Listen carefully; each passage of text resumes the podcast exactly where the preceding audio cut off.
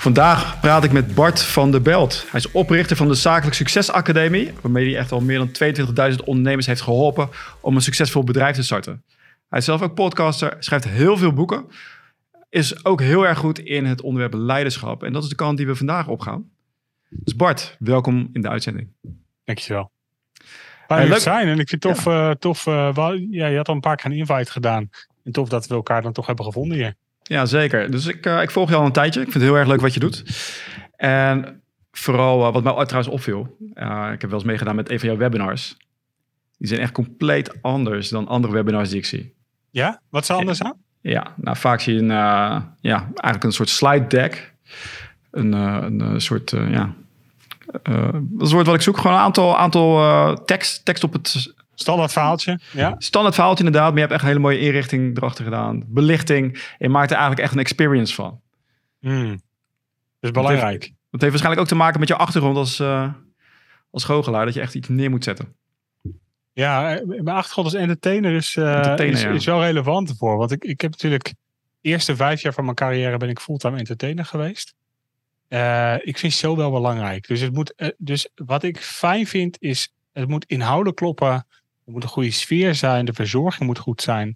Maar je wil ook het gevoel hebben dat er excellentie is. En dat is ook waar leiderschap over gaat. Leiderschap gaat over een, een maatstaf voor excellentie neerzetten. En zorgen dat, dat ook wordt gerealiseerd.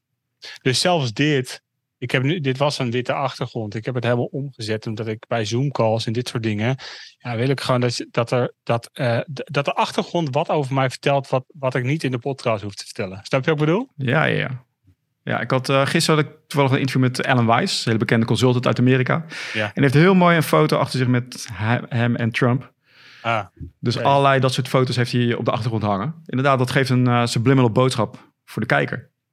Vertelt het verhaal geval. Ja, het vertelt ja. inderdaad het ja. verhaal. Maar het entertaining gedeelte, dat is inderdaad wat heel vaak ontbreekt. En dat, dat heb jij en dat vind ik heel erg leuk erin. En daardoor wordt ook ja, de kennis veel meer ontvangen. Ja. Als je echt een entertainer bent. Ja. Remco Klaas en, uh, en Tony Robbins zeggen dat ook. Hè? De drie E's van een goede boodschap overbrengen. Dus, dus goede trainers, entertrainers. Eh, jij kan het woord. Dat is educatie, empowerment en entertainment. Ja. Dus er moet inhoud in zitten. Mensen moeten het gevoel hebben, hey, ik, ik snap dit en ik kan dit en dit is ook voor mij. En het moet ook nog een beetje dat je denkt, eh, lekker, leuk. Je bent uh, oprichter van de Zakelijk Succes Academie. Ja, en je bent heel succesvol. inmiddels. De succesgroep, je bent aan het uitbreiden. Waarom is, het, waarom is het zo gigantisch succesvol geworden? De belangrijkste reden is omdat ik het met hart en ziel doe. En inmiddels omdat wij het allemaal met hart en ziel doen. Dat is de aller, allerbelangrijkste reden. Dat zorgt voor de drive, dat voelen mensen. Mensen zien dat we oprecht zijn, dat we echt geïnteresseerd zijn in, in onze klanten. We zitten niet in het succesgoeroehoekje, weet je wel. Ik, ik, ik, dus dus het, het, het, het, hoekje van ik moet mezelf niet beschikbaar maken, want dan ben ik meer waard. Ik bel gewoon mijn klanten. Hoe is het met je? Hoe kan ik je helpen? En dat komt omdat ik, omdat ik het doe voor mijn klanten en niet specifiek voor mezelf. Ja. Uh, dus dat. En het tweede is, uh, ik, ik, dat was ooit onze missie, de meest concrete en praktische uh, toepasbare trainingen in Nederland bieden.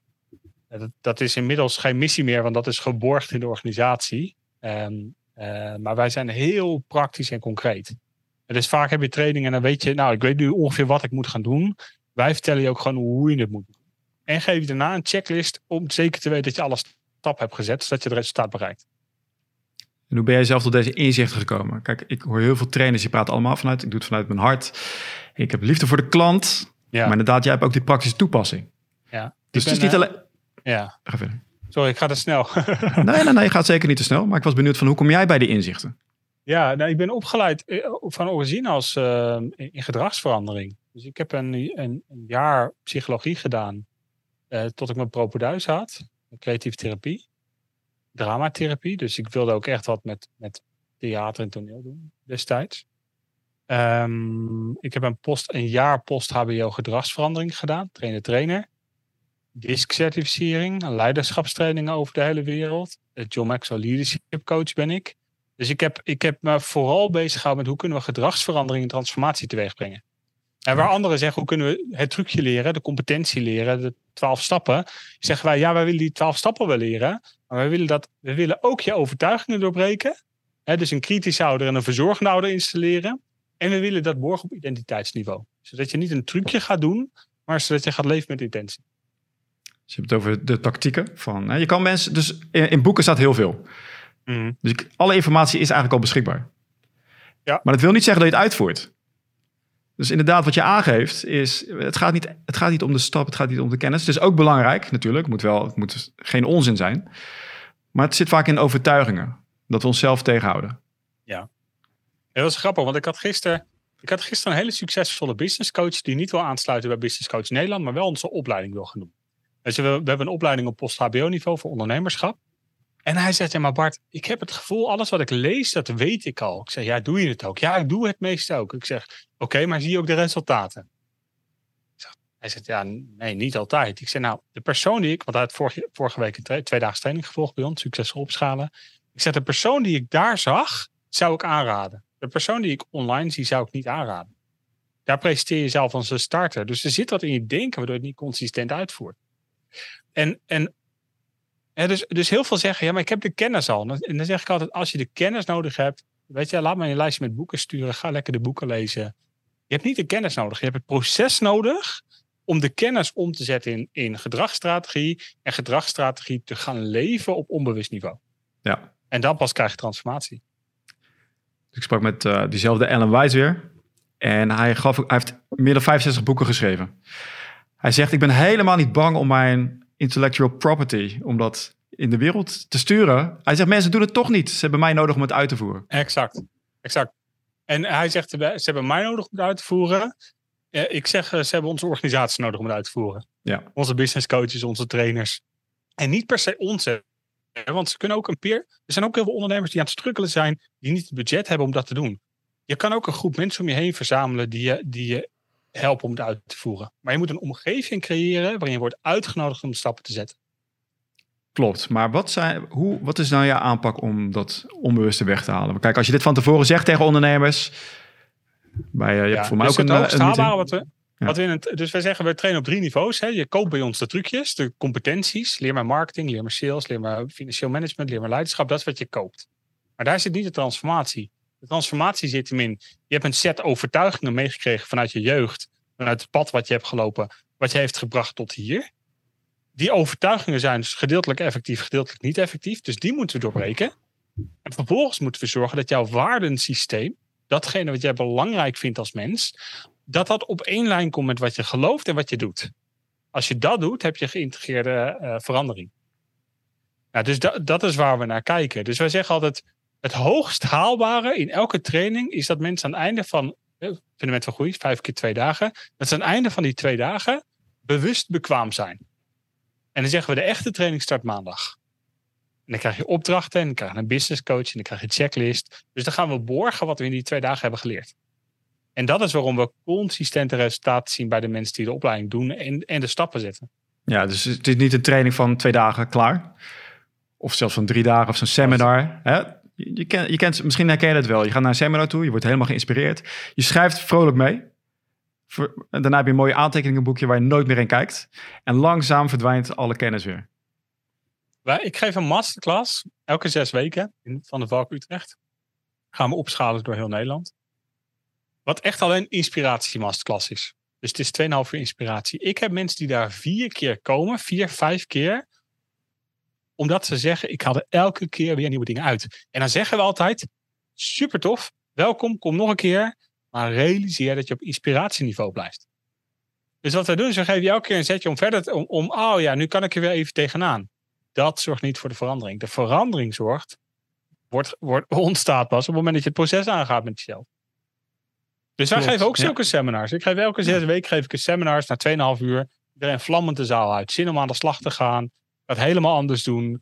Ja, en dan drie dagen verder zit je in hetzelfde patroon met dezelfde mensen om je heen en verandert er niks. Ja, nou, op een gegeven moment moet, dat wel een, moet wel een belletje gaan rinkelen. Maar het lijkt op dat moment van, hé, hey, ik kan alles. Ik, uh, Tony Robbins is daar ook heel goed in. Gaan ook mensen ieder jaar weer naar zijn, uh, zijn seminars. Ja. Uh, inderdaad, ik zie dat ook. En dan blijft de verandering die blijft uit. Ja. ja. Dus, en ik denk van, ja, je moet juist wel inspireren. Nou, er, er gebeurt wel een verandering, maar het kan, het kan veel sneller. Laat ik zo zeggen. Wat, Tony Robbins heel goed doet, is hij, hij brengt je continu in een peak state ehm, waardoor je gewoon mentaal moe wordt. Hè? Dus je mentale weerstand wordt minder. Dus je kan minder makkelijk nee zeggen tegen, tegen suggesties van buitenaf. Daarom is hij ook zo goed in de verkoop overigens. Um, wat hij doet is op het moment dat, de state is bereikt en de mentale weerstand weg is, dan gaat hij wel er keihard doorheen om beperkende overtuigingen te doorbreken. Weet je, en soms is er één overtuiging die een, die een driver is voor een set van 12, 15, 20 overtuigingen. Een bolwerk van overtuigingen. Als je zo'n route, route overtuiging kan doorbreken, transformeert je hele denken. Ja. Vanuit je denken je gevoel, vanuit je gevoel je acties. Nou, wat, wat hij inderdaad doet, en jij bent ook mee bezig, is hij brengt mensen inderdaad in een uh, peak state, maar ook weer laag. Dus hij brengt een hele grote emotionele schommeling. En als je dat doet bij mensen, wat gebeurt er dan? Dan zijn ze makkelijker beïnvloedbaar. Zeker. En op dat moment kan hij zijn, nou ja, je weet het wel, kan hij zijn commando's erin gooien. En hij primet mensen continu met take action. En inderdaad, wat hij zegt van als je het niet kan, moet je het juist doen. Ja. Dus dat is een beetje zijn mantra. If you can't, you must. Ja. En dat is heel handig voor zijn, ja, voor zijn volgende programma. Ja. Ja. Business Mastery. dus, wij doen, uh, wij doen altijd, uh, wij hebben twee overtuigingen die elke klant bij ons geborgd krijgt. Een kritische ouder die stimuleert en aanzet om door te gaan. En een verzorgende ouder die zegt, hey, relax, weet je wat, het komt goed. Ja. En de eerste is uh, succes is voor de doeners. Iedereen die bij ons het programma doet, elke trainer benoemt dit. We hebben het op banner staan. Elke Elke ondernemer die bij ons komt, heeft een vorm van uitstelgedrag, waardoor ze niet de resultaten bereiken. Aan het eind van onze tien dagen zeggen ze, kun je ze wakker maken. En als je het woord succes noemt, is een antwoord is voor de doeners. En het tweede is, um, vertrouw het proces. Waar, waarmee we lading geven aan, joh, je maakt dingen te groot. Doe rustig aan, ontspan. Geniet van wat er is. En vertrouw van de fase waar je in zit. Of vertrouw op de fase waar je in zit dat goed komt, zeg maar. Dat is de verzorgende ouder. Dus op het moment dat wij iemand wakker maken van onze, van onze klanten en zeggen vertrouw, dan is het antwoord het proces. En omdat we heel erg bewust bezig zijn met die kritische ouder en de verzorgende ouder, vanuit de transactionele analyse, creëren we een soort innerlijke balans. Straight line noemt dat inner stand, die ervoor zorgt dat mensen als vanzelf stapjes gaan zetten. Ja, de transactionele analyse. Vorig jaar ben ik daar echt, uh, heb ik de boeken gelezen. Heel interessant inderdaad. Van hoe je huidige gedrag voortkomt uit eigenlijk ja, toestemming van je ouders. Voor een groot deel. Dat je die patronen, ja, dat je die patronen moet doorbreken. Als je wil veranderen, uh, dan is het systeem waar je in zit, waar je uitkomt, is wel, uh, is wel nou, niet bepalend, maar heeft wel veel invloed. Wat hij ook aangaf was dat wat ze vaak doen in de therapieën, dat ze dan juist de mensen de toestemming geven die ze vroeger nooit gehad hebben. Ja, klopt. Die vond ik wel heel mooi. Dat is, wel, dat is wat wij, um, um, dat is feitelijk wat wij doen gedurende ons hele proces. Uh, eigenlijk elke opleiding borgen we dat. Toestemming om in het licht te gaan staan. Ja. Toestemming om er te mogen zijn. Toestemming om te zeggen, ik ben geliefd. Toestemming om te zeggen, ik ben het waard om van een goede boterham te verdienen. Toestemming om je te verbinden met andere mensen. Toestemming om uh, uh, eens een keer gek te doen. Dus we zijn continu bezig om, om innerlijke weerstanden om te zetten naar toestemming. Dus ik vind het mooi dat je dat zegt. Dat is wat we doen. Ik, dit is dan een, een uitleg die ik niet zo vaak geef, maar dat is wat we doen, ja. Ja, nee, heel mooi. Ik, uh, ik las de boeken, was Games People Play en had er nog één geschreven. En eigenlijk wordt alle, alle gedrag, alle interacties die mensen hebben, worden erin verklaard. Hmm. En toen dacht ik weer van... Uh, games People Play. Ja, ik, weet, ik, ik lees meestal Engels. Heb ik nog niet in mijn boekenkast. Oké, nou dat is de basis van, dacht ik, van ergens in de jaren 60 geschreven. En die psychiater of psycholoog, die heeft eigenlijk alle, alle menselijke interacties heeft in kaart gebracht. En daar komt dat vandaan van, je hebt de, de ouderrol, je hebt de kindrol. Uh, maar ook alle interacties van, uh, je, loopt, uh, je gaat op een feestje staan, de mannen gaan praten over voetbal, over de vrouw, over, over de kinderopvoeding. Al die interacties, waarom dat gebeurt. Waar, het eigenlijk op, ja, waar het eigenlijk op neerkomt, is dat iedereen op zoek is naar schouderklopjes. De, de likes op social media, maar dan in real life. Uh, van uh, vind mij aardig. Ja, ja, ja. Ja, jij zegt ze zijn op zoek naar schouderklopjes. Ik vertaal dat naar ze zijn op zoek naar een veilige basis. In een onveilige wereld. Dus ik heb, we hadden het kort in de voorbespreking over. Ik heb dit jaar de school voor transitie gedaan. Echt een aanrader voor mensen. Uh, bij Jacob, uh, Jacob van Wielink en Anne. Super goede trainers overigens ook. Um, En dat, dat gaat over secure-based leadership. Ik heb de opleiding secure-based coaching gedaan. En het ding is dat heel vaak in gezinnen is er geen veilige basis, wordt er geen veilige basis gegeven vanuit ouders om vanuit een veilige basis de wereld te exploreren. Ja. En, en uh, jij zegt we zoeken schouderklopjes. Ja, ik vertaal dat naar waar we naar op zoek zijn, is een veilige basis om vanuit te vertrekken om de onveilige wereld in te gaan. En als de oude rollen die niet geven, omdat ze zelf onveilig gehecht zijn of, of uh, angstig gehecht zijn, of, of nou, dus als daar wat, wat is gebeurd, dan gaan ze dat extern zoeken. En, en vinden mensen nooit rust totdat ze die basis wel hebben gevonden. Nou, dat is wat, wat wij willen met onze organisatie. We willen een veilige basis zijn voor ondernemers om op pad te gaan. Dus ik denk dat de erkenning komt naar buiten van, ik denk dat het wel is zoeken naar schouderklopjes. Dat is die veiligheid van ik ben wel oké. En dat de ideale situatie is wat jij nu vertelt. Dus dat je die veiligheid intern al hebt. Ja. En je gaat naar buiten, je gaat interacties aan met mensen. Maar je bent niet zo bang om aardig gevonden te worden. Dat ze denken hmm. van, oh, je hebt het goed. En daardoor kan je bijvoorbeeld... Nou je ziet dat mensen, die vinden het heel lastig om diepe gesprekken aan te gaan. Met mensen die ze misschien niet zo goed kennen. Uit angst dat ze juist veroordeeld worden. Omdat die veilige basis er niet is. Ja, exact. Ja. ja. En het, het gevolg daarvan is dat mensen in elke ontmoeting hun pijn voorop laten gaan. Ja. Mijn verhaal, mijn pijn, mijn strukkel, mijn worsteling. En ik zeg heel veel mensen, ik was zo'n persoon. En dat is behoorlijk doorbroken in, in de opleiding die ik heb gevolgd in het leiderschapsproces waar ik doorheen ben gegaan. Maar eh, voor mij was die, die opleiding ook, uh, School voor Transitie, was een moment dat ik dacht, potjan dikkie, dit is wat ik doe dus. Dus omdat ik zelf geen veilige basis heb gehad, ben ik continu bezig mijn verhaal aan te vertellen, zodat anderen mij maar geruststellen. Ja. En sinds ik dat door heb, doe ik het niet meer. Minder, laat ik het zo zeggen. En je, je verhaal, je, pijn bedoel je? je?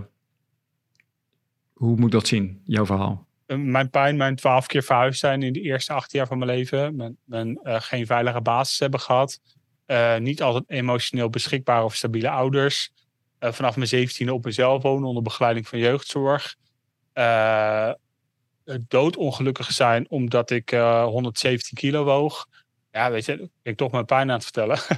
maar een hele Doet weer? Set, een hele set dingen die, die, die zorgden voor geen veilige start. Oké. Het, het is ook een boodschap die ik vanuit mijn dus niet vanuit zakelijk succesgroep, maar wel vanuit mijn persoonlijke roeping leef. Dat is dat, dat je startpunt hoeft niet je finish te zijn. Nee. Heel veel mensen starten vanuit een basis die niet oké is. Maar de finish kan sterk zijn. Het beste moet nog komen. Nou ja, het, het, mooie is het moment dat je eruit bent. Ik weet niet of je dat ervaart. Uh, dat je er bewust van bent. Dan verliest het zijn grip. Want als je er niet bewust van bent, dan leef je op de automatische piloot. Hoe je geprogrammeerd bent eigenlijk. Ja. Maar als je dat bewustzijn hebt en je moet nog een aantal dingen doen. En bewustzijn is niet genoeg. Maar om het volledig te accepteren en in te zien wat er aan de hand is, dan zie je ook dat alles verdwijnt. En dan zit je ook niet meer met, oh, vroeger is dit en dat gebeurd. Alles, alles verdwijnt. Ja. In mijn eerste boek, uh, Fluitend Veranderen, heb ik de veranderdriehoek beschreven. Dus hoe ga je duurzame verandering teweeg brengen? En in het midden van de veranderdriehoek staat je toekomstvisie. Dus waar wil je naartoe? En dat is niet iets wat je kampachtig moet vasthouden. Het is iets wat je moet, moet creëren voor jezelf. Daarna moet loslaten. En daarna start een repeterend proces van drie stappen. Eén is bewust worden. Wat werkt niet wat ik zou willen? Twee is actie nemen. Oké, wat moet ik dan doen om effectiever te zijn, om wel stappen te zetten? En de derde is er reflectie. Even terugkijken, hebben de stappen die ik heb gezet ook echt effect gehad? En als je repeterend bewust worden, actie, reflectie, volgende punt, bewust worden, actie, reflectie, kun je stuk voor stuk een, een, stapje in je levensgebied oplossen. En het leuke is dat je dan uh, stappen probeert te zetten en dan lukt het niet. En wat ik vaak zie, en ik, ik heb daar vroeger heb ik dat wel gehad, maar ik heb dat wel los kunnen laten. Dat je dan jezelf gaat, uh, zelf, zelfkastijding. Van, oh, ik heb het weer niet gedaan, het lukt weer niet.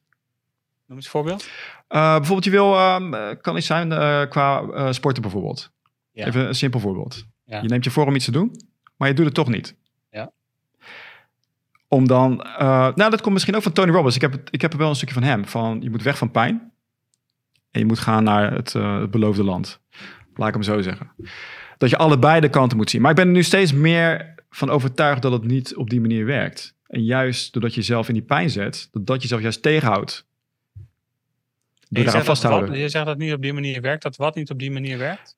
dat, je, dat, je, dat je de pijn van de situatie waar je in wil zitten, dat je die heel groot moet maken, omdat je daar maar van weggaat. Ja. De carrot en de stick, dat verhaal. Ja, dus dat is behaviorisme, gebaseerd op het werk van Skinner. Dus de carrot en de stick is behaviorisme. En dat gaat ervan uit dat het reptiele brein, um, dat wordt bepaald door twee dingen. Het wordt bepaald, alles wat er op me afkomt, gaat dit me pijn opleveren of gaat het me plezier opleveren? En dus is het goed voor me of is het slecht voor me? Moet ik mezelf beschermen of moet ik het omarmen? Dat is de vraag wat het doet. Dus, dus als je een omgeving wil creëren waarin je onbewust acties uitvoert, zonder bewust met je neocortex, met je grijze massa bezig te zijn, ja, dan is het, is het heel wenselijk dat je een kaart en een stick hebt. Want ja, als ik het verkeerd doe, dan ben ik de klos, zeg maar. Het ding is alleen dat duurzame verandering gaat over een bewuste keuze maken van de richting waar je naartoe wil. En gaat niet over korte gedraging op, op korte termijn. Ja. Dus dat zie je bij kinderen die opgevoed... Wij zijn erg van het sensitieve ouderschap, mijn vrouw en ik.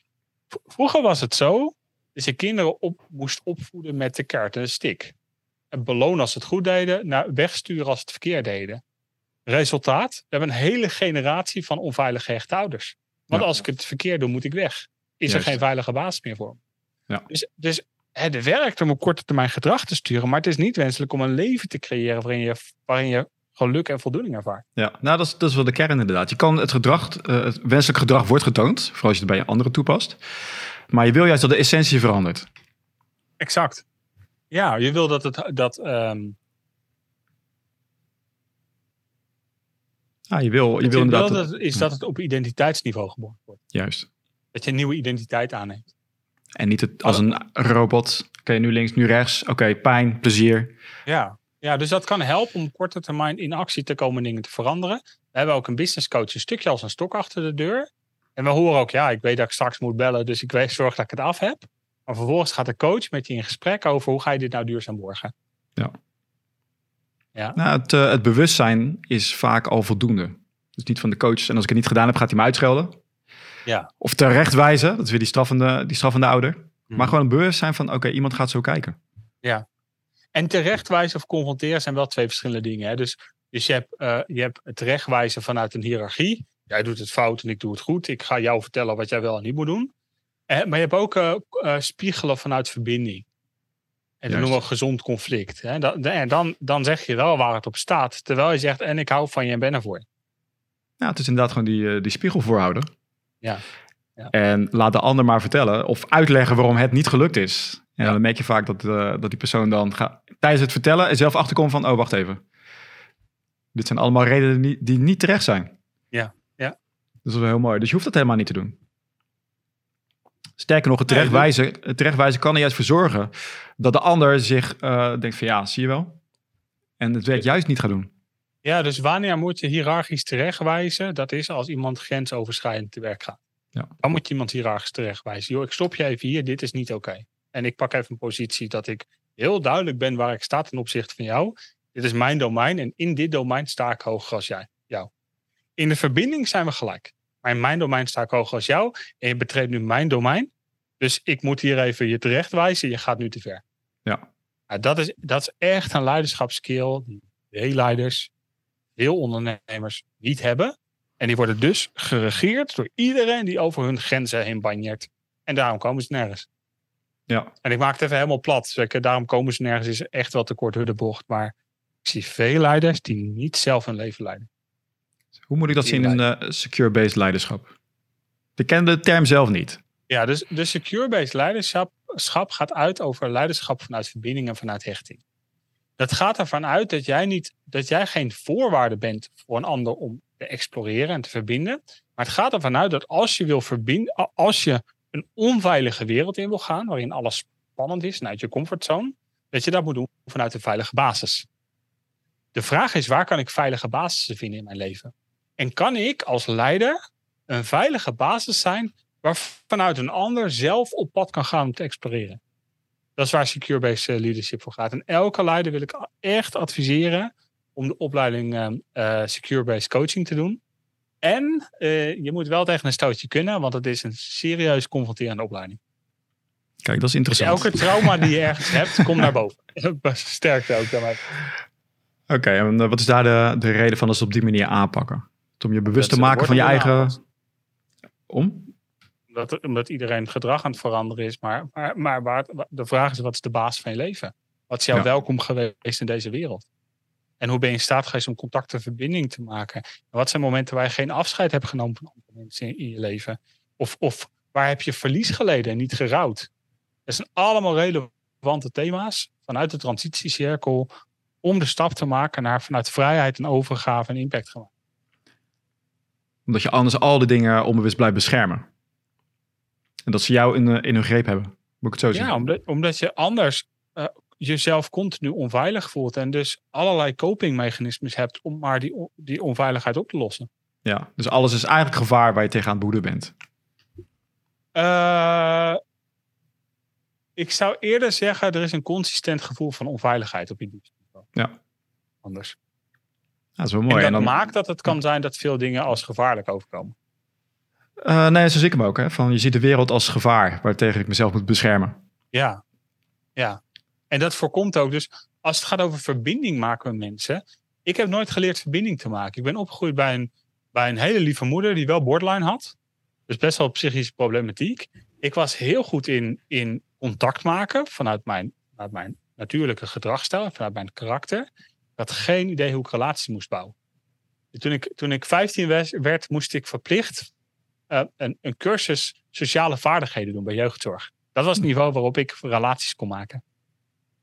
Op mijn 23e leerde ik bij een NLP-opleiding het concept van COFI, van emotionele bankrekening. En toen ben ik relaties als transactioneel gaan zien. Ik moet zorgen dat de balans in relaties goed blijft. Ja. En nu heb ik een, iets anders geleerd. En dat is voor mij echt een openbaring. Dat is verbinden vanuit wie ik in mijn kern ben. Dus het gaat niet meer over, is onze relatie goed? Het, gaat, het gaat over, kan ik in mijn centrum staan en, en meebewegen met wat er nodig is om de verbinding te maken met mensen? Dat vorige, dat transactionele, moet ik dat zien als zijnde van, er moet balans zijn, ik doe iets, die andere persoon doet iets. De, de, wat, wat Stephen Covey op een gegeven moment introduceerde, op zich wel een hele mooie manier om over na te denken. Dus dat zegt, joh, ieder mens heeft een emotionele bankrekening. En je kan storten op die emotionele bankrekening. Je kan van die emotionele bankrekening afhalen. Als ik meer afhaal dan ik stort, is de balans tussen de relatie weg. Hebben we een probleem. Oké.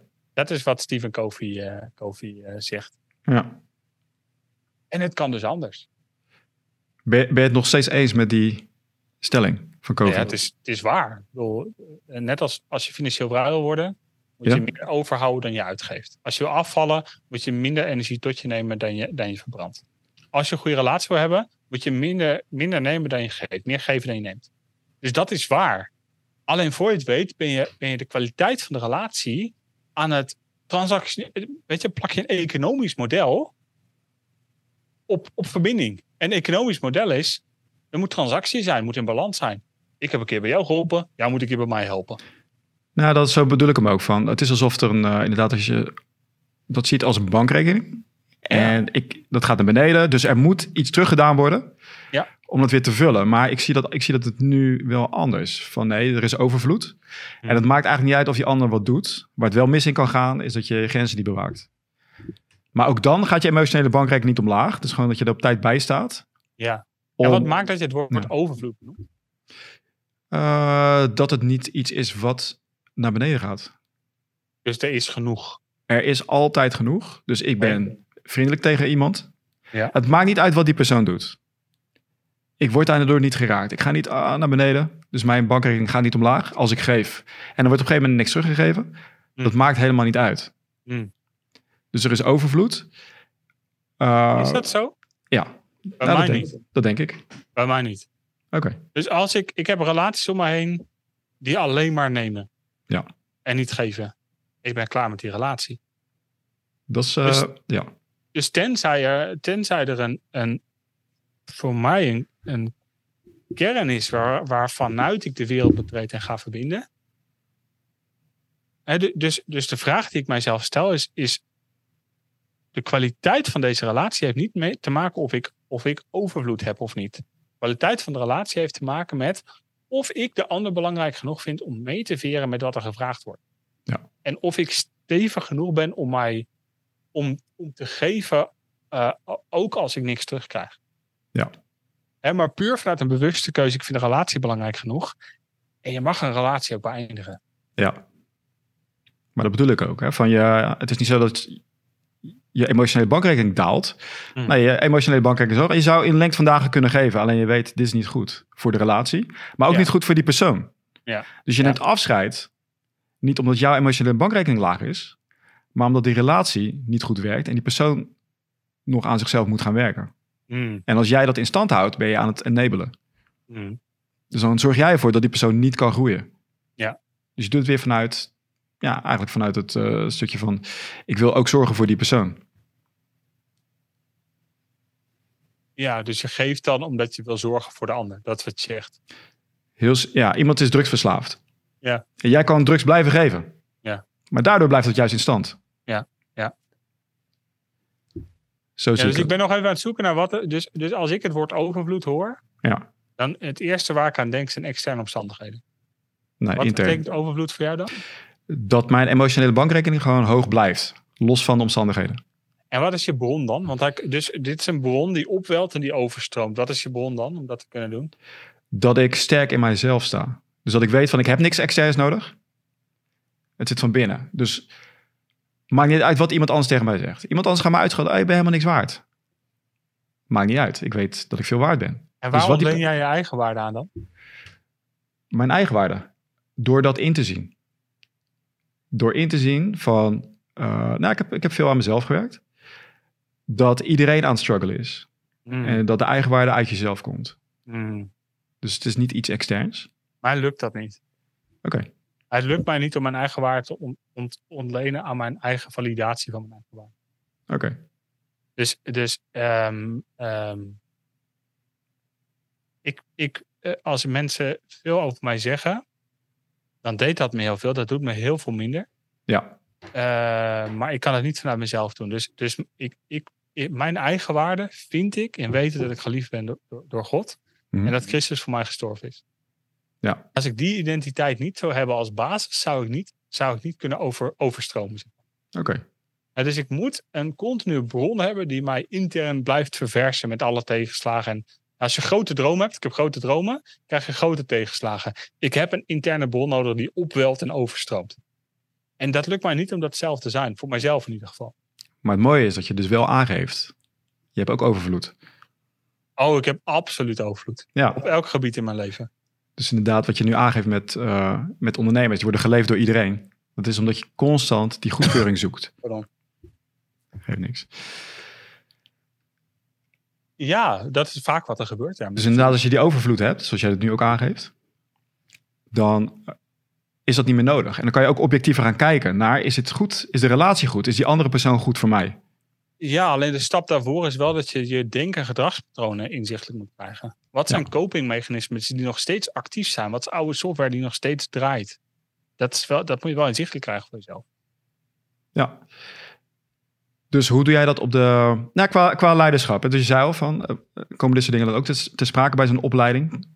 Van wat zijn die we, we starten, de, zeg maar, ons fundament van we hebben eigenlijk drie programma's. We hebben zakelijk succesformule, dat is een startersprogramma. En dan hebben we fundament van groei. Dat is echt vijf keer twee dagen training. En dan hebben we succesvol opschalen met een persoonlijk begeleidingstraject van een van de business coaches van Business Coach Nederland.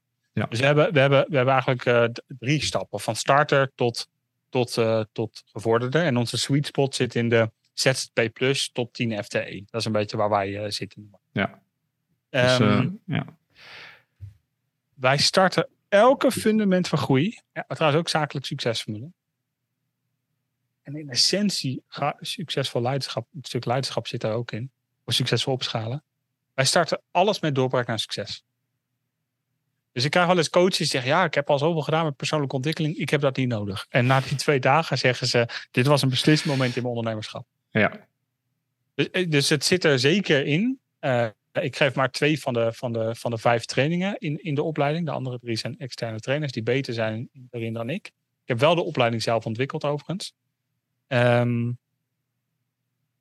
we starten absoluut met het persoonlijk leiderschap. Want als je de basis voor je persoonlijk leiderschap niet legt, kun je de rest van de training is gewoon minder effectief. Ja. Dus, ik dus zeker dag twee, dan doen we een timeline in de zaal. Dat is best wel een emotioneel proces. Zeker mensen die ook trauma's hebben, daar komt veel naar boven. Daar hebben we ook echt heel zorgvuldig doen we daar een stuk nazorg op. Ja, daar gooien mensen gewoon een heel stuk van hun rugzak leeg. mensen lopen, sjouwen soms rond met kilo's aan ballast vanuit hun jeugd en, en tot hun leven nu. Ja, dat gooien we gewoon leeg daar in een oefening van 2,5 uur. En dan gaan mensen gewoon vrij de wereld weer in. En hebben ze zin om de volgende stap te gaan zetten. Ja, dat is gewoon heel. Dat, dat is ook de, alles wat met leiderschap te maken heeft, de persoonlijk leiderschap doe ik. Want ik vind dat echt zo gaaf. Ja, als je ook helemaal stralen als je erover praat. Van, is het jouw uh, nieuwe richting? Ben jij de nieuwe leiderschaps... Uh... Nou, ik, ga geen, ik ga geen guru zeggen. nou, weet je wat het is? Ik weet nog dat ik uh, net mijn NLP-opleiding had afgerond. Toen, zei ik tegen de, toen, zei, toen had ik het met een vriend van me over dromen. En toen zei hij, wat is jouw droom? En ik zei, mijn droom is om, ik wil, ik wil leider worden van leiders. Want dan kan ik, kan ik mijn, mijn impact verveelvoudigen. Um, John Maxwell zegt we, we add value who people add value to people. Dus we, we add value to people who add value. Dat is wat hij zegt. Toen zei hij tegen mij, zei die vriend tegen mij, dat is leuk dat je dat vindt, maar ik ben nu 23. Dat kun je doen als je een jaar of 50, 60 bent en grijze haren hebt. En ik heb 15 jaar in die leugen geloofd. Dus ik heb sales trainingen gedaan, marketing trainingen, creative problem solving, creatief denken, gedragsverandering, verandermanagement, loslaattrainingen. Ik heb eh, eh, communicatie, feedback. Ik heb elke mogelijke non-verbale communicatie. Ik heb elke mogelijke training die je kunt bedenken, heb ik gegeven in het bedrijfsleven. En pas sinds dit jaar durf ik te zeggen, ik ben een leiderschapstrainer. Ik ben iemand die leiderschap ontwikkelt. En ik dacht, en mijn roeping, school voor transitie, heb ik ook mijn roeping kunnen, kunnen, kunnen in woorden kunnen geven.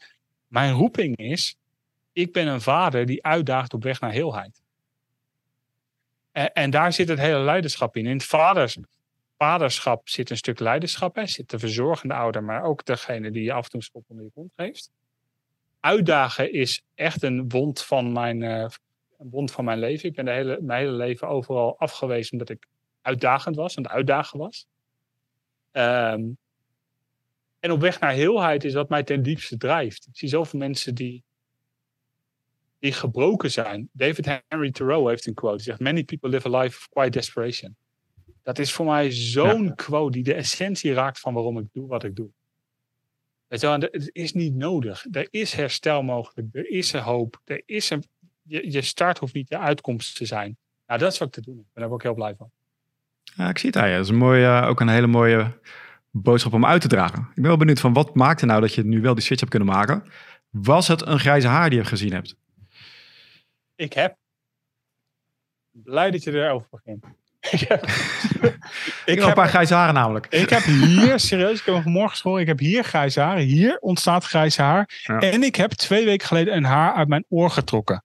De aftakeling is officieel begonnen. Ja, ja, ja. Twee, twee jaar voor mijn veertigste.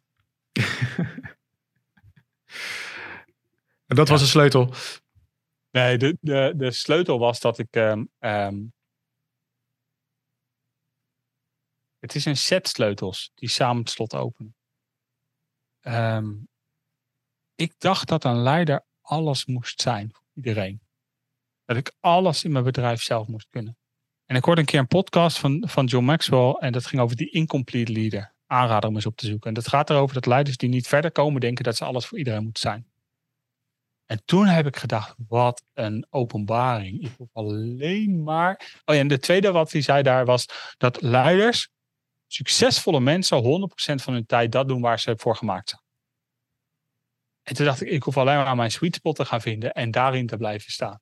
En dat ben ik gaan doen. En dit jaar heeft me dan geholpen om te zeggen, hey, ik doe van alles, maar, maar wat is het hart van mijn roeping? Mijn, mijn rol in dit leven is vaderschap. Dus ik heb mensen die, die 65 zijn, die top CEO's zijn, die bedrijf hebben met 80, 90 uh, dat is geen top CEO, maar een hele goede MKB'er. 80, 90 man in een fabriek. En dan mag ik, mag ik als 38-jarig jongetje iemand van 65 jaar begeleiden in zijn kind zijn. Dat klinkt een beetje gek, maar ik mag daar een rol in nemen van vader. En hem confronteren en spiegelen. En, en als ik dan zie wat daar gebeurt bij zo iemand die veel verder is in het leven als ik, maar veel minder heeft gedaan aan zijn ontwikkeling, Ah, dat, dat, ik weet niet, maar dan, dan, dan stroom ik over blijdschap. Dat vind ik zo mooi om te doen. Heeft, het misschien, heeft het misschien ook te maken met dat je zelf vader bent geworden? Dat heeft absoluut ermee te maken, ja. ja. Want over jouw kind zo. Dat heeft er zeker mee te maken. Ja, ja, ja. Nee, ik ken dat ook. Want dan ga je het ook echt... Ja, je moet wel. Je gaat wel echt op die manier leven. En wat je net aangaf van iemand van 65 die je dan helpt... en jij bent maar 38 op dat gebied. Ik, uh, ik zie die leeftijd veel minder. Omdat ik zie dat mensen van 65, 70, 80... als zij niet hebben gewerkt aan hun wonden... Ja. die zitten nog exact hetzelfde in die, in die, in die mindset. 100%. Ja. En dat, ik hoor ook, nu, nu het uitspreekt, hoor ik ook mijn eigen beperkende overtuigingen. Um, ja. Ik ben verbaasd over hoeveel succesvolle mensen emotioneel arm zijn. Ik heb ooit, uh, ik heb ooit uh, voor Discovery Magazine een heel mooi interview staat op mijn website. Uh, met als titel had ik die geschreven: Financieel vrij, emotioneel vrij. En, en ik, ik ben verbaasd hoeveel succesvolle mensen emotioneel failliet zijn. Dan ben ik, benieuwd, ik ben heel benieuwd, want ik ben helemaal niet verbaasd erover, maar ik ben benieuwd naar jouw reden waarom jij daar verbaasd over bent. Want voor mij was het juist uh, heel duidelijk. ik ben benieuwd waar de verbazing vandaan komt. Ik ben benieuwd waar jouw duidelijkheid vandaan komt. Dat, uh, ik heb veel gekeken ook naar, uh, dat, dat vaak de drijfveer is om goed genoeg te zijn door de ouder. En op een gegeven moment kwam ik heel veel in interviews, hoor je dat wel eens, van de succes, uh, wat is het drijfveer? En dan komt vaak naar boven, dat is om de pijn weg te halen, om mijn vader te laten zien dat ik wel goed genoeg ben. Ja. In heel veel gevallen. Dus dan zie je iemand accelereren in een bepaald werkgebied. Ja. Maar dat kindsdeel, dat blijft nog steeds op zoek naar goedkeuring. Ja, vaderlijn gaat over carrière. Ja, klopt ja. Ik ben me heel bewust, ja, dus bij mijn kinderen... Mijn was, was dat ik altijd dacht, hey, die mensen zijn verder, die mensen zijn succesvoller. Ja. Uh, ik rijd een V60, zij rijden een V90. Snap je? Dus ik was heel erg bezig met externe factoren om de maatstaf van mijn succes te meten. Waardoor ik ook nooit het gevoel had dat ik voldoening had. Nee. Dat is echt veranderd sinds de geboorte van mijn, uh, van mijn zoontje. Dat heeft echt, en, en de twee jaar corona en shit die ik heb moeten oplossen in twee jaar tijd. Veel, veel dingen die gebeurd zijn. Dat, dat, dus wat mij verbaasde was dat ik dacht, hé, hey, maar als je succesvol bent, dan is dat een, een resultaat van dat je alles op orde hebt. En de realiteit is, als je succesvol bent, is dat een resultaat dat je één ding heel goed kan. Juist. maar, maar heel veel mensen zijn wel zakelijk succesvol, maar niet persoonlijk gelukkig. Ja, kijk, kijk uh, Hollywood is ook een mooi voorbeeld. Of de muziekindustrie. Van, we kunnen nog een, uh, iemand, uh, een hele bekende, bekend iemand uit, uit Omroepland ja, noem geen omroep. Um, nou ja, er, er wordt heel veel. gestopt is daar vanwege dit wereldje. Ja. En die zegt: als ik zo doorga, dan kan het niet anders dan dat ik dezelfde kant op ga als mijn ongelukkige collega's. Omdat ik alleen maar word beïnvloed, impregneerd, zo zei hij, door al die dingen die, die, die, zij aanreiken wat succes is. En mee moeten gaan en keuzes moeten maken waar je eigenlijk niet achter staat. Maar alles voor het succes en je ziet dat de rest het ook doet. Dus ik ga er maar in mee. Ja, ja, maar dat doe je alleen maar als jij die grenzen niet vast hebt gesteld. En op zoek bent naar die goedkeuring. Klopt. Ja. Dus vandaar dat ik daar niet verbaasd om was. Kijk, vroeger wel. Maar ik, heb, ik lees ook wel eens wat. En ik, uh, ik hou mijn ogen open. En dat viel me heel erg op. En juist, uh, juist die sterke pijn, dat het juist een enorme drijver is. Van ik ga wel eens laten zien wat ik allemaal kan. Ja. ja. En dat is nooit goed genoeg. Wat ik zo mooi vond, uh, uh, Tibor is een business coach. Misschien kennen hem, Tibor Olgers. Ik heb ja. super veel respect voor hem. Uh, omdat hij een hele duidelijke positie inneemt. En ook gewoon de resultaten neerzet. Dus ik heb echt respect voor Tibor. En wat ik zo mooi vond, ik heb hem in de eerste drie maanden van zijn... Toen hij net de switch maakte van de speciale eenheid naar, naar coaching.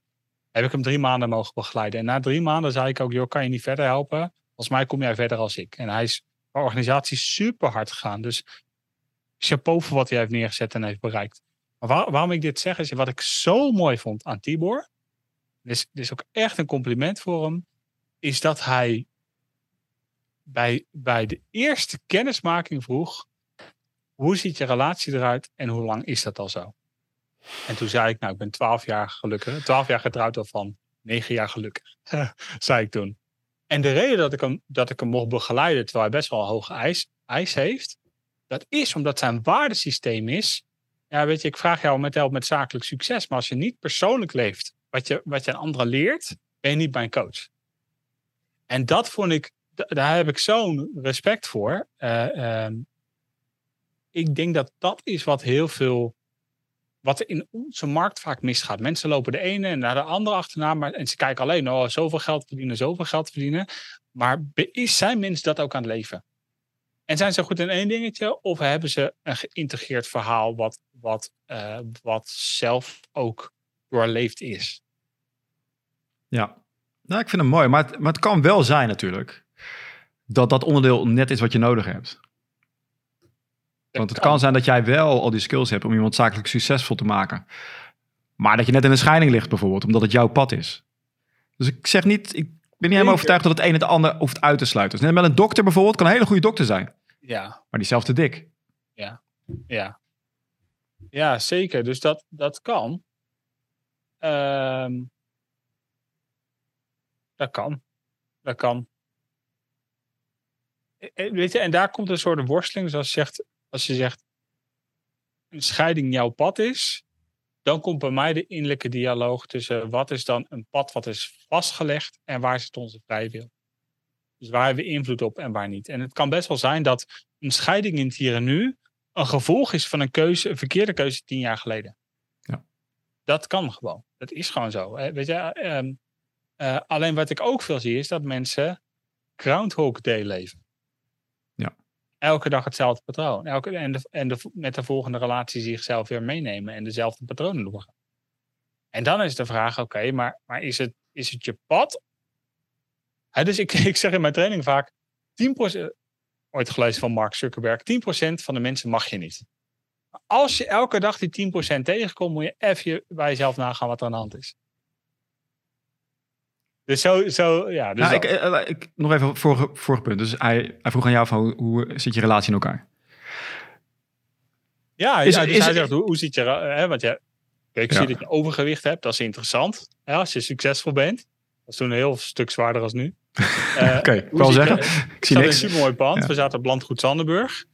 Um, um, dus aan de buitenkant zag het allemaal goed uit. Maar hij, hij wilde de binnenkant weten. En ik denk dat dat de kwaliteit is van een goede leider. Dat ze niet naar de buitenkant kijken, maar naar de binnenkant. Eens. Dan ga ik nog een stapje verder. Stel, hij had meer. Hij heeft nu. Hij, heeft nu, hij gebruikt metrics. Oké, geld, mooi pand enzovoorts. Metric 2. Oké, relatie. Maar er zijn er meer. Zeker. Ook die punten waar je aan gewerkt hebt. Maar daar heeft hij niet naar gevraagd. Uh, dus wat je doet in zo'n situatie is dat je, dat je dat je kijkt naar, de, naar, de, naar het waardesysteem van een ander en of dat waardesysteem matcht met jouw waardesysteem. Ja. Dat is wat leiders doen. Dus en, en daar hebben we een heel goed gesprek over gehad. Weet je, en, en, en dat vind ik ook zo mooi. Het, het, het trucje, hoe start ik er nou op en hoe ga ik vliegen? Ja, dat, heeft, dat, dat, uh, dat was voor hem meer, oké, okay, dat is de aankoopintentie. Het verschil, het, ik wil weten of het klopt wat je zegt. Ja. Ja, dat is gewoon tof. Ja, dus inderdaad, waar, waar ik dan tegenin zit, van er zijn meerdere aspecten. En als je alleen maar iets aanneemt van iemand die perfect is, als hè, of zo zie ik hem even, dan loop je het gevaar dat je niet de waarheid hoort. Want overal zit waarheid. Iedereen is op zijn eigen pad. En je hoeft niet te verwachten dat iedereen op alles op 100% zit. Nee. Dat is bijna onmogelijk. Dus zo zie ik hem meer. Dus ik snap zijn eigen waarheid, hè? dus dat is ook gevaarlijk. Dus, dus, uh, dus de, dat, is een, is een mhm, filosofische vraag. Is er waarheid? Mooi boek, uh, Kant. Hij heeft het onder andere over de zedenwet. Is er, een, is er een, een, een norm die we als waarheid kunnen stellen als grenslijn tussen goed en kwaad? Is er waarheid? we zitten nu in, in een postmodernistisch tijdsbeeld en dat betekent dat iedereen zijn eigen waarheid heeft. Dus ik ben zeer voorzichtig om iedereen's waarheid aan te nemen of aan te horen überhaupt. Ja. Ik weet nog een keer, we hadden een expert summit, hadden we, hadden we twee keer 500 man in de zaal. Twee dagen, 500 man, zaal kwam niet voller. En na afloop, ik had iets verteld over, over een persoonlijk proces. En dat had iemand geraakt. En zij kwam naar me toe, ze zegt, na afloop van, de, van die dag. Hè, dus ik had, ik had acht uur lang, 7,5 uur, voor 500 man gesproken. Hè, dus dat is gewoon een top performance. Als je dat wil neerzetten, is gewoon best wel intens, intensief. En zij komt naar me toe en zegt: Ik wil je even feedback geven op een puntje. Want je zei dat en dat en dat raakte mij. En ik hoorde om mij heen dat dat wat teweeg bracht. Ik, weet, ik zou je adviseren om dat niet te doen. eerste wat ik dan dacht, moet ik hier wat mee? En, en toen dacht ik gelijk, wacht even, wacht even. Wat is jouw track record? Wat is je intentie en wat is je track record? Dus eerst vroeg ik, wat is je intentie? Zeg nou, intentie is om iets te delen van mezelf. Tweede is, wat is je track record? Hoe lang, hoe lang sta je al voor groepen? Want ik sta al vanaf mijn zeventiende voor groepen. Hoe lang sta je voor groepen? Zei, ja, ik heb, ik heb twee jaar geleden een prestatiecursus gedaan. Zeker twintig keer voor een groep heb gestaan. Ik zeg, maar dan ga ik even het gesprek afkappen, want ik hoef het verder niet te horen. Ik, ik wil je wel danken voor je feedback en de tijd om dit te doen. Maar ik wil je eigenlijk vragen om de feedback even naar Grina mee te nemen. Grina is, is onze manager. Wil je dat doen? Dan gaan we het oppakken en dan gaan we het verzamelen. Wat ik heb geleerd is dat er twee dingen zijn waarop je moet kijken voordat iemand anders zijn waarheid adopteert. Voordat je feedback ontvangt. Dat is één, is wat is de intentie? Intentie van de meeste feedback is om gezien of gehoord te worden. Verkeerde intentie voor feedback. Als je mij feedback wil geven, moet je het niet doen om gezien of gehoord te worden. dat, kan wel, maar dat is geen feedback. Dat is gewoon, ik wil even mijn kwijt. Ook goed, dat is geen feedback. Het tweede is, heb jij een track record of een track record in vernieuwende ideeën, waardoor je gevalideerd bent om mij die feedback te geven? Dus ik sta open voor feedback, maar ik kan niet iedereen, iedereen toelaten om een feedback te geven, uh, want ik ken mezelf, ik ben makkelijk te beïnvloeden daarin. Ik vind, ik vind het fijn om aan te horen en mee te denken hoe kunnen we dit gaan toepassen. Maar heel veel feedback is niet relevant. Dus ik kies echt heel duidelijk wie mag mij feedback geven en wie niet. wat, wat, zou, wat, wat, zou er gebeuren als je gewoon had gezegd, nou vertel. En die komt met al die feedback aan. Die wordt gezien. Ja, ja dus, dus uh, wat zou er gebeuren is, wat er gebeurt is dat ik oprecht de ander niet serieus neem op dat moment. En dus de ander tekort doe. En als je hem draait als uh, ik die persoon wil gezien worden, ik sta sterk, van ik, hè, je weet dat je goed bent. Je staat er sterk in. Je laat die ander zijn verhaal doen. En tijdens het vertellen van het verhaal komen ze vanzelf achter van, wacht even, waar ben ik mee bezig? Als dat mijn rol is, dus als mijn rol is om hun te coachen en te begeleiden, ja. Als dat niet mijn rol is. Dus wie mag mij feedback geven? Al mijn coaches zijn mijn collega's. Al mijn coaches, maar al onze, alle coaches van Business Coach Nederland zijn mijn collega's. Ja. Mijn compagnon, mijn vrouw, directe vrienden die naast me staan al mijn klanten. Um, iedereen mag mij feedback geven. Wie, wie, moet ik valideren om feedback te geven? Willekeurige collega's die op mijn pad komen, mensen die een mening hebben over me, media. Weet je, dat, dat, dat, neem ik niet zo makkelijk aan. En dat, dat, dat stop ik ook voordat ik. Voordat... Ja, dus daar, daar ben ik wel nieuwsgierig naar. Van waar heb je het idee van als ik dat niet stop, dat het dan effect op je gaat hebben? Nee, zonder mijn tijd, zonder mijn energie. En ik neem het niet nou, serieus. Zo. Dus als ik congruent wil zijn, moet ik, moet ik zeggen tot hier en niet verder. Ja, ja, ja. Nee, duidelijk. Inderdaad. Want als iedereen naar je toe komt van, oh, ik heb ook nog een paar tips voor je. Ja, ja dat hè. En die krijg ik veel in mijn mail hoor. Of onder comments. Meen je? Oké. Natuurlijk, ja. Ja, ja, ja. ja kijk, uh, uh, ik ben niet zo'n hoge woon, maar, maar we doen best wel wat in de branche. Ik krijg veel mailtjes met, wil je toch nog even een tip geven? En er zitten hele goede tips bij, hè? Dus daar, daar doen we echt wat mee. Maar die komen op een backlog, worden geëvalueerd. En dan kijken we of we er wat mee doen. Ja, klopt.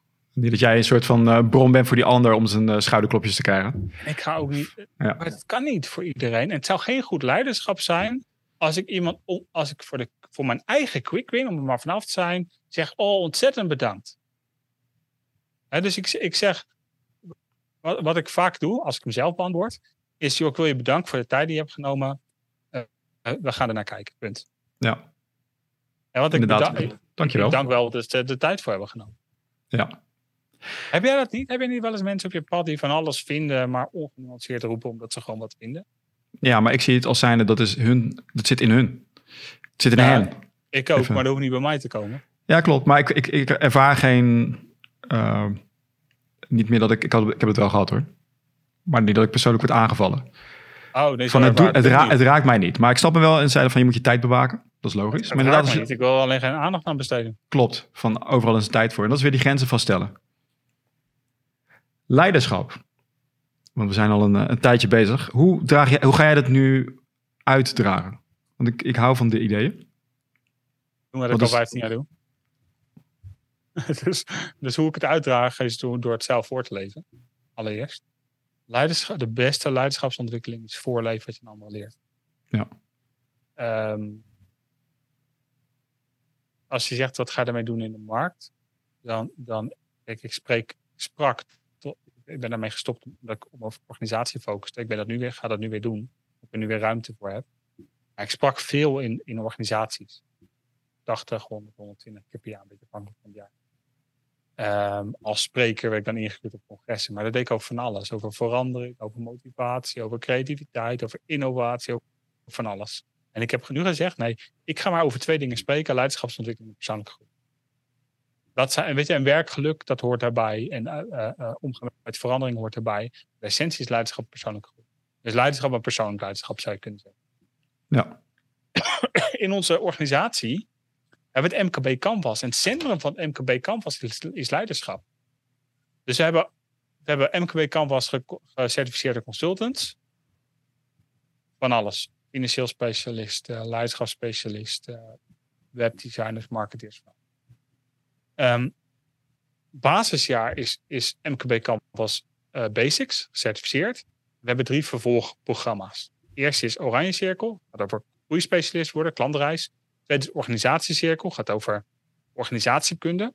En derde gaat over de groene cirkel, leiderschap. En ik ga het leiderschapsprogramma doen. Ja. Uh, dus, want, want uh, en leiderschap gaat over operationeel en tactisch leiderschap, maar gaat vooral over persoonlijk leiderschap, verbinding, communicatie. Dus zo doe ik dat. Dus in mijn organisatie heb ik gezegd, ik hou me niet meer bezig met marketing. Ik hou me niet meer bezig met sales. Ik hou me bezig met leiderschapsontwikkeling. Ik was, uh, ik, was, uh, ik was aan het zoeken van waar, waar past hij in het plaatje. Maar hij is, hij is duidelijk.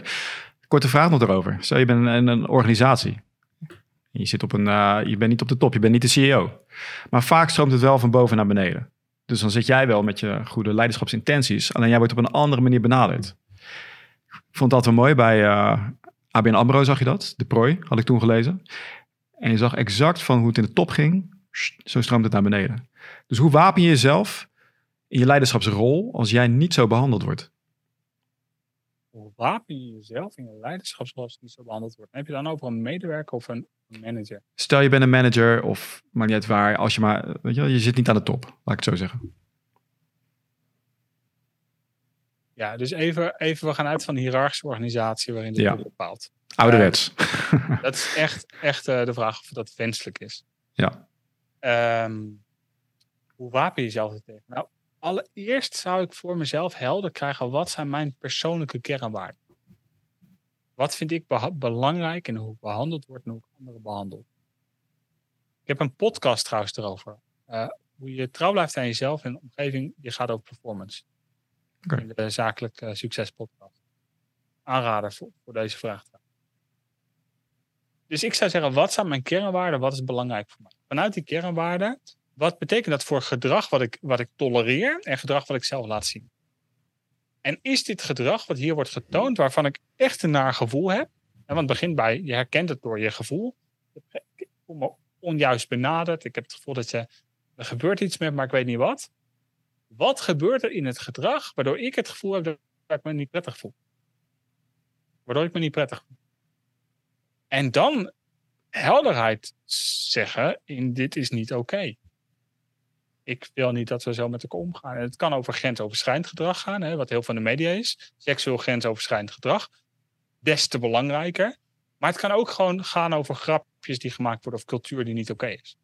Of alleen maar rammen op bonussen, terwijl, terwijl het nou gaat over wil iets neerzetten met. En dan, en dan feedbackregels, gedrag, effect, behoefte joh, ik hoor je nu zeggen dat ik weer niet presteer. En ik heb continu het gevoel dat ik mijn long uit mijn lijf loop en het nooit goed genoeg voor je doe. En ik ben daar klaar mee. Wat ik nodig heb is dat je af en toe naar me toe komt en zegt, hé, hey, je bent goed bezig. En dat is mooi als je die, als je die leiderschapsrol pakt. Dan, ja, eigenlijk komt het op neer, je gaat voor jezelf opkomen. Ja. Ja, je gaat voor jezelf opkomen. En wat je doet is, je gaat je persoonlijke invloed vergroten. En merk je ook als je juist vanuit die, uh, die kracht die in jezelf zit. Dus je, je kan zo'n gesprek aangaan met de leidinggevende. Vanuit angst of jij behandelt mij op een verkeerde manier. Ik wil graag dat je me anders behandelt. Maar als je zelf die rust hebt en je, je zoekt weer die verbinding op. Waardoor je dus komt met een energie van, uh, van verbinding en niet van tegen elkaar.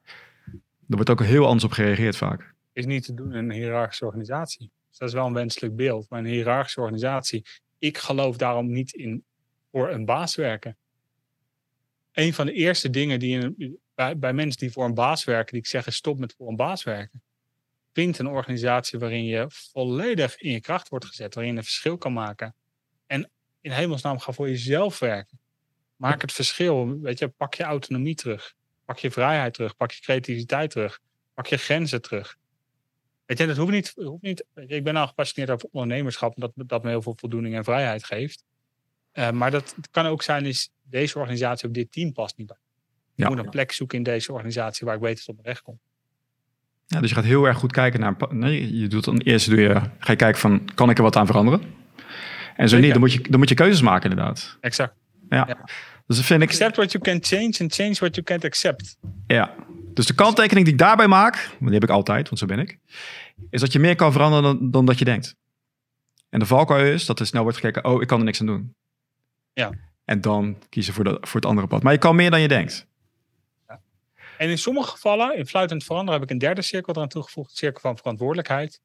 In sommige gevallen is er geen discussie mogelijk en moet je de discussie aangaan, want dit is jouw verantwoordelijkheid. Als jij een teamleider bent en je ziet dat iemand boven jou, over jouw grenzen heen gaat en iemand van jouw team aanspreekt op een niet oké manier, dan is het jouw primaire verantwoordelijkheid om je teamlid te beschermen. 100 procent. Ja. Dus, dus is niet de vraag: wil ik dit? Dit is wat je te doen hebt. Dan moet je een andere rol opzoeken. Juist. Niet gaan, uh, niet gaan schuilen of denken van nee, dat moet ik juist externaliseren enzovoorts. Dat moeten zij oplossen, dan maak ik ze sterker. Op een gegeven moment, nou, dat is echt de rol van de ouder past er heel goed bij. Als je kinderen hebt met elkaar, die aan, met elkaar aan het vechten zijn. Je, je, je, mag ze kunnen laten vechten, maar binnen grenzen, binnen beperken. Zeker, ja. Bart, we zijn er weer een tijdje bezig. Ik vond het een erg, uh, erg leuk gesprek. En leiderschap staat hoog op de agenda. En ik hoop dat het bij iedereen zo is.